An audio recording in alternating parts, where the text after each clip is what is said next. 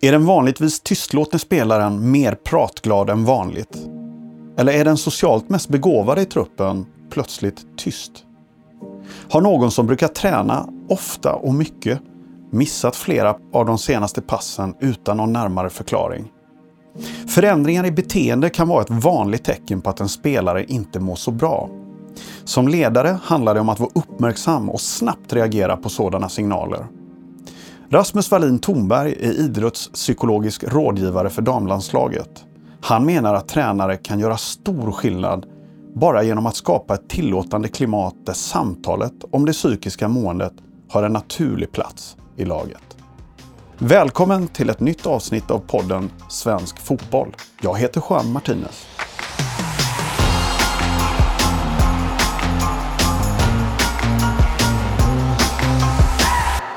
Välkommen Rasmus! Tack så mycket! Du, först av allt, berätta om dig själv. Du är ju lite doldis i landslagssammanhang. Ja, eh, jag jobbar då med damlandslaget som fotbollspsykologisk rådgivare och det har jag gjort sedan 2017. Sen eh, Peter Gerhardsson tog över som förbundskapten. Och sen jobbar jag även på Fotbollförbundet som tränarutbildare för eh, ledarskap och fotbollspsykologi. Har du någon spelarkarriär själv? Nej, inte eh, faktiskt. Jag har spelat mycket fotboll, men inte i föreningslivet. Men däremot har jag hållit på med många andra idrotter, framförallt eh, kampsport, judo, innebandy. Eh, jag har alltid hållit på med idrott på många olika sätt. Eh, kom väl in mer och mer i fotbollen i samband med att jag jobbade med BK Häcken 2011. Då Peter Gerhardsson frågade om jag ville vara en del av ledarteamet där. Så att det blev min ingång till fotbollen. Du har nyligen släppt en bok med din kollega i herrlandslaget, eh, Daniel Ekvall. Eh, berätta, vad innehåller den? Vad handlar den om? Ja, men boken innehåller eh, kan man säga, ett helhetsgrepp på området fotbollspsykologi. Vi har under de senaste åren inom Fotbollförbundets tränarutbildningar och inom spelarutbildning paketerat fotbollspsykologin på ett lite enklare sätt. Så man kan säga enkelt att eh, boken handlar om tre teman, tre färdigheter som, som man behöver som fotbollsspelare. Och det första temat är att eh, göra nästa aktion så bra som möjligt, eh, med så hög kvalitet som möjligt. Och det är att eh, hjälpa sina lagkamrater och att det ha, är att ha en långsiktig och en hållbar fotbollskarriär. Ett av eh, ämnena som ni avhandlar i boken är ju hur man som ledare kan bidra till att skapa ett klimat där det blir naturligt att prata om det psykiska måendet. Eh, hur gör man det? Framförallt så pratar man. Eh, att man har en, en grund i att prata med sina spelare och att eh, dels prata fotboll såklart men och, och framförallt prata om hur de mår och Eh, hur de har haft det innan de kommer till träningen och vad de ska göra i helgen och hur det gick med det där provet förra veckan och hur det gick med uppkörningen och all, alla sådana här saker. Så att framförallt att prata, det är grunden. Och sen när det kommer till att prata mående eh, så tror jag det kommer väldigt naturligt om man är van att prata med sina spelare. För pratar man med människor så kommer det att eh, komma upp lite vad som helst och ibland kommer det också om, om måendet. Så att eh, även en oskyldig fråga om vad man har gjort i, i helgen kanske, eller hur dagen har varit, kanske mynnar ut i ett ämne om att, att spelaren kanske inte mår så bra. Så jag tror framför allt det att bara prata, eh, fråga.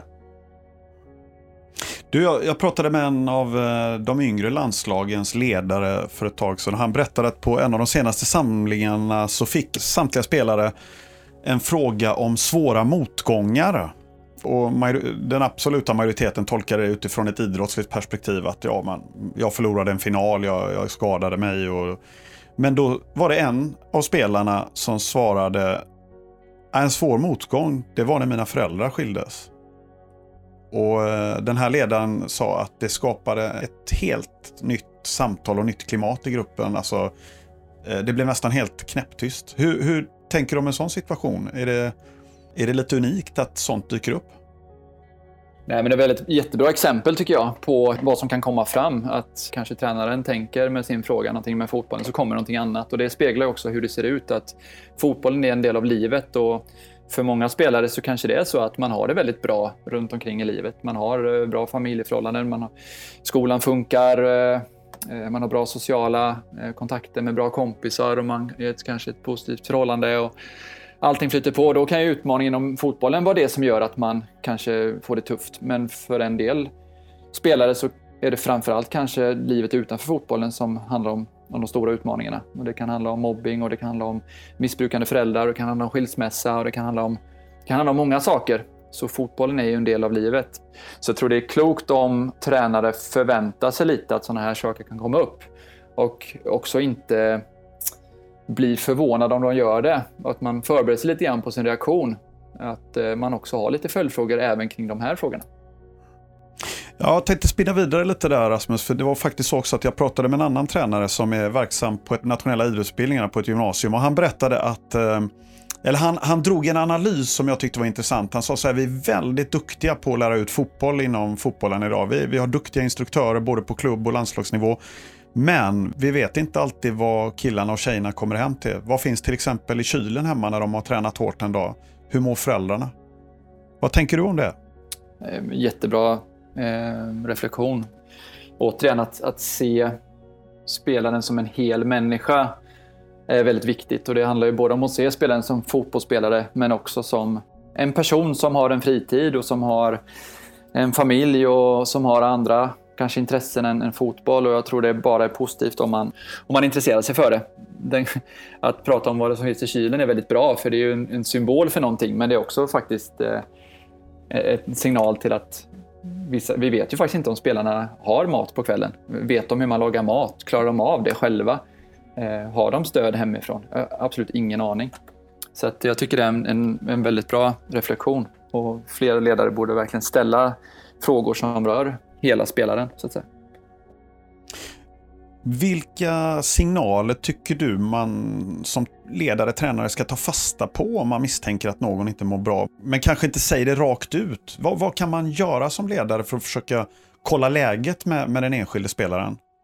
Ja, men för det första så kan man ju observera och se om det blir några beteendeförändringar. Det är väl kanske det enklaste att titta efter. Att om en normalt tystlåten spelare är väldigt utåtagerande eller väldigt kanske aggressiv eller om en eh, vanligtvis eh, extrovert person som gillar att prata och snacka med sina kompisar isolerar sig och drar sig tillbaka. Då kan det vara tecken på att det är någonting. Andra varningstecken det är just det här med nedstämdhet, eh, ilska, om man ser att någon är, verkar ledsen eller frustrerad eller arg. Det kan också vara fysiska symptom, för det är inte alla som vill prata eller vet hur de ska prata om detta och bär det inom sig och då kan det ta uttryck i eh, till exempel huvudvärk, eh, ont i magen och de här sakerna som absolut kan bero på andra orsaker men det kan också vara en tankeställare till att någonting inte står rätt till. Det kan också vara att eh, spelaren är borta mycket eh, eller borta utan anledning och Eh, man inte får någon bra förklaring och sådär. Så det gäller att vara observant väldigt mycket och sen det man kan göra det är fråga och prata. Man kan ju till exempel eh, bara vara nära personen lite extra mycket och eh, ibland kanske man kan ställa andra frågor. Man behöver inte fråga direkt kanske hur, man mår om man inte tycker att det är eh, lämpligt just i det läget. Man kan prata om helgen eller dagen eller andra saker om matchen igår eller vad det nu kan vara. Så, så kanske det kommer lite andra saker också. Men man kan också absolut ställa frågan hur, hur man mår eller man kan också säga att eh, jag ser att du, du verkar ledsen. Är det någonting? Eller vill du, vara, vill du berätta vad du tänker på? Ehm, så att fråga, ehm, visa intresse och framför allt visa att du har tiden att lyssna. För det upplever jag som ett bekymmer att många kanske ställer frågor men gör det i kanske kön i när man ska äta eller man märker att om jag ska berätta hur jag mår här så är inte detta ett bra sammanhang. Så att visa också att jag vill lyssna och det här är ett bra tillfälle att, att prata om det. Det gäller att välja rätt miljö också menar du? Absolut. Timingen där tycker jag är viktig. Att, särskilt om man misstänker att det kan vara någonting. Då, om jag då frågar, ställer frågan till exempel när det är många kompisar runt omkring då är det inte säkert att jag får ett ärligt svar för att spelaren inte känner sig bekväm med det. Utan välj tillfällena och framförallt visa att du har tiden och inte bara att du vill ha att det är okej okay och sen så att du själv kan gå hem sen. Utan visa med liksom ögonkontakt, ett lugn att jag vill, jag vill veta, jag, jag bryr mig. Och är det så att du inte har tid som tränare så, så kan du säga det men, men plocka då upp tråden nästa träning eller säga att om det är före träningen till exempel, det kommer fram någonting så kan du säga att ja, nu börjar träningen strax här men kan inte vi snacka om det här efter träningen? För att visa att jag vill prata om det här. Du, eh, Rasmus, om man då får det till sig som ledare, tränare, att en spelare faktiskt mår väldigt dåligt. Eh, vad gör man efter det? Det krävs ju kanske en helt annan hjälp än, än en lyssnande tränare.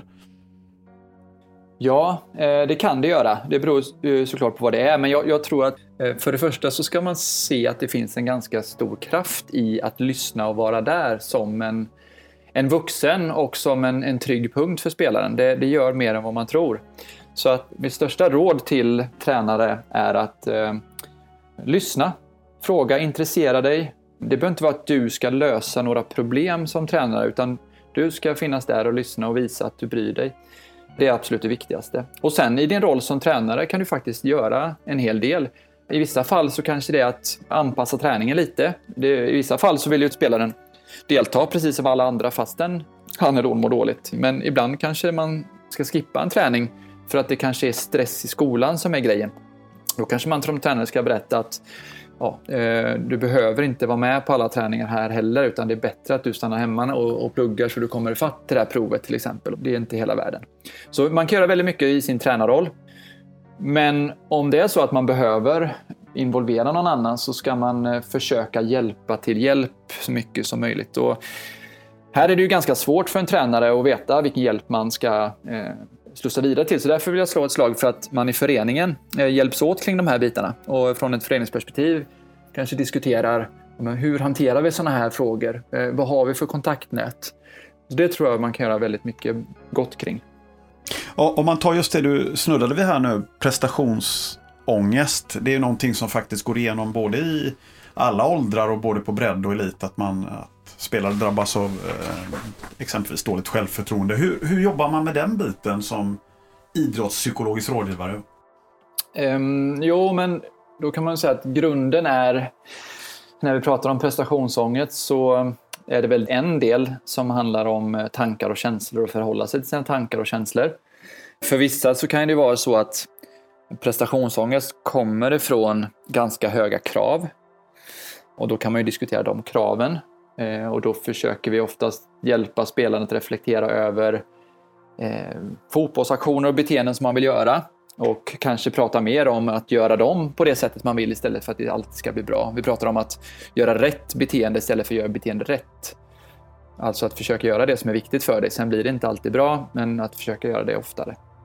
Så det är en viktig del i det. Men för vissa spelare kan det också vara så att man blir nästan arg på sig själv för att man tänker på ett visst sätt eller man blir rädd för sina tankar. Man blir liksom rädd för sin rädsla och arg för sin ilska. Och man börjar fundera på varför jag är en sån som tänker så mycket. De andra tänker inte så mycket. Och där jobbar vi också väldigt mycket med acceptans för att du tänker och du känner. Det är mänskligt och särskilt om man är en ambitiös elitidrottare eller en satsande idrottare.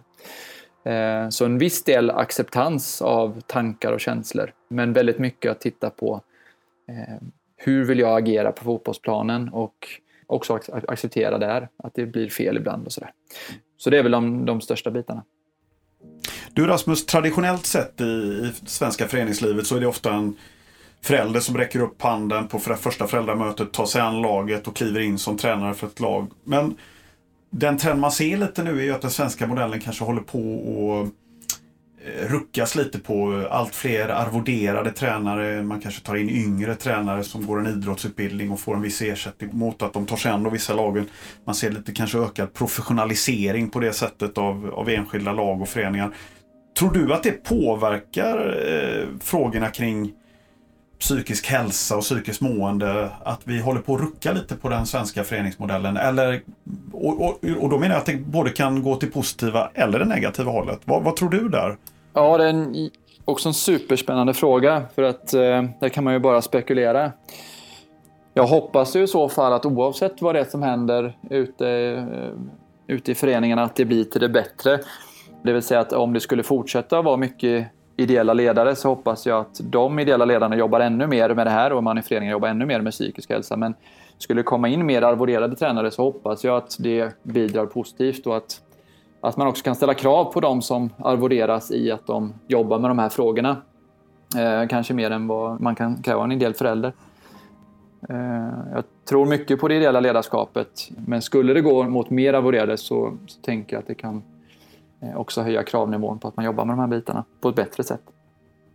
Du, hur stort ansvar tycker du eh, ledare och föreningar ska ha för den enskilde spelarens psykiska mående? Det är ju trots allt bara organiserad idrott i grunden.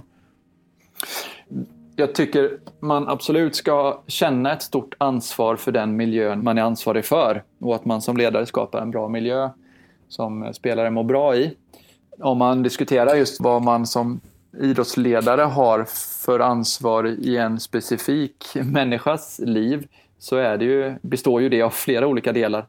Men om man ser till den delen man själv kan påverka så är det viktigt att man tar det ansvaret. Idrottsledare kan göra så oerhört mycket för barn och ungdomar eller vuxnas psykiska hälsa genom att skapa en bra miljö. Det finns ju människor som mår dåligt av olika orsaker utanför idrotten men i idrotten så har de en frizon, det är där de mår bra.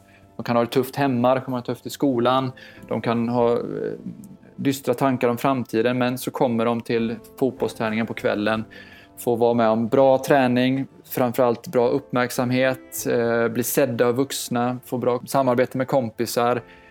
Och om det händer ett par gånger i veckan plus att man åker iväg tillsammans på någon, någon kupp eller sådär så är det oerhört viktigt. Om man som ledare ser det ansvaret i att den här miljön ska göra så bra som möjligt för att spelare ska må bra och trivas här då gör man så oerhört mycket gott.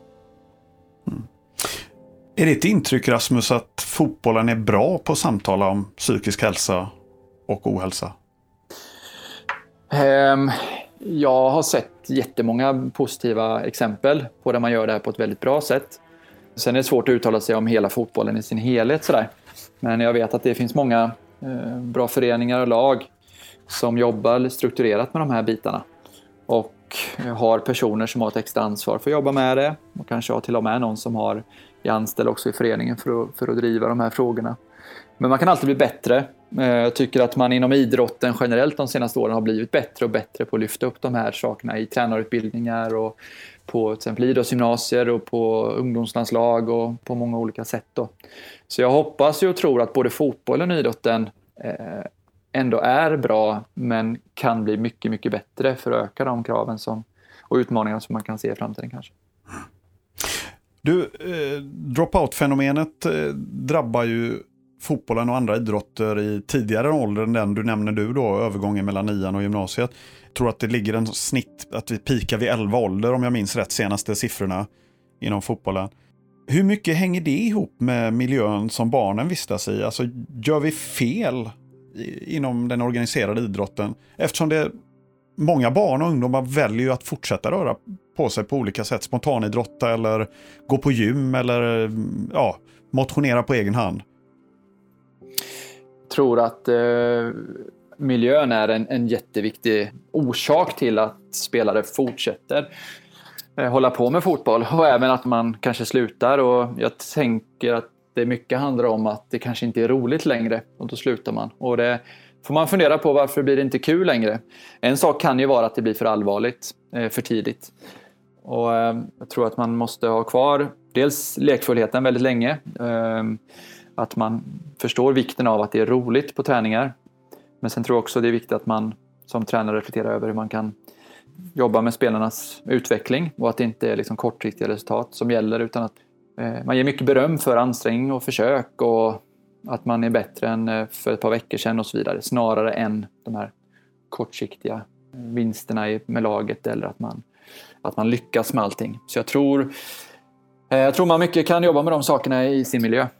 Du, eh, Rasmus, slutligen, om man som ledare eller tränare vill skaffa sig mer kunskap i ämnet, eh, vad vänder man sig då förutom att läsa din och Daniel Ekvalls bok? Då vänder man sig till eh, svenskfotboll.se. Där har vi en sida om eh, psykisk hälsa som man hittar till exempel på tränarsidorna. Eh, där hänvisar vi vidare eh, också till andra bra sidor. Eh, bland annat vill jag slå ett slag för Ledare som lyssnar som är Folkhälsomyndighetens eh, eh gratis webbaserade utbildning som är eh, jätteenkelt att ta till sig. Det är eh, fyra stycken block på 15 minuter som alla har, har, tid med och det är filmer och det är texter som handlar precis om det vi har pratat här om idag. Hur upptäcker man psykisk ohälsa? Eh, hur jobbar man med miljön och eh, vad gör man om man inte kan ta hand om det själv och måste hjälpa någon till hjälp? Så att det finns bra material så att eh, in och titta och eh, förbered dig skulle jag säga. Du, stort tack för att du var med oss. Tack så mycket. Jättetrevligt att vara med. Aha, lycka till nu. Tack så mycket. Du har lyssnat på podden Svensk Fotboll med Rasmus Wallin Thornberg, idrottspsykologisk rådgivare för damlandslaget. Om ni vill lära er mer om ämnet finns Rasmus Wallin Thornbergs och Daniel Ekvalls bok Fotbollspsykologi för nästa träning och en långsiktig karriär att beställa på Sisu idrottsböcker. Har du något ämne du vill att vi ska ta upp i podden? Tipsa oss gärna på podden svenskfotboll.se. Det är tillsammans med er alla som vi gör svensk fotboll lite bättre varje dag.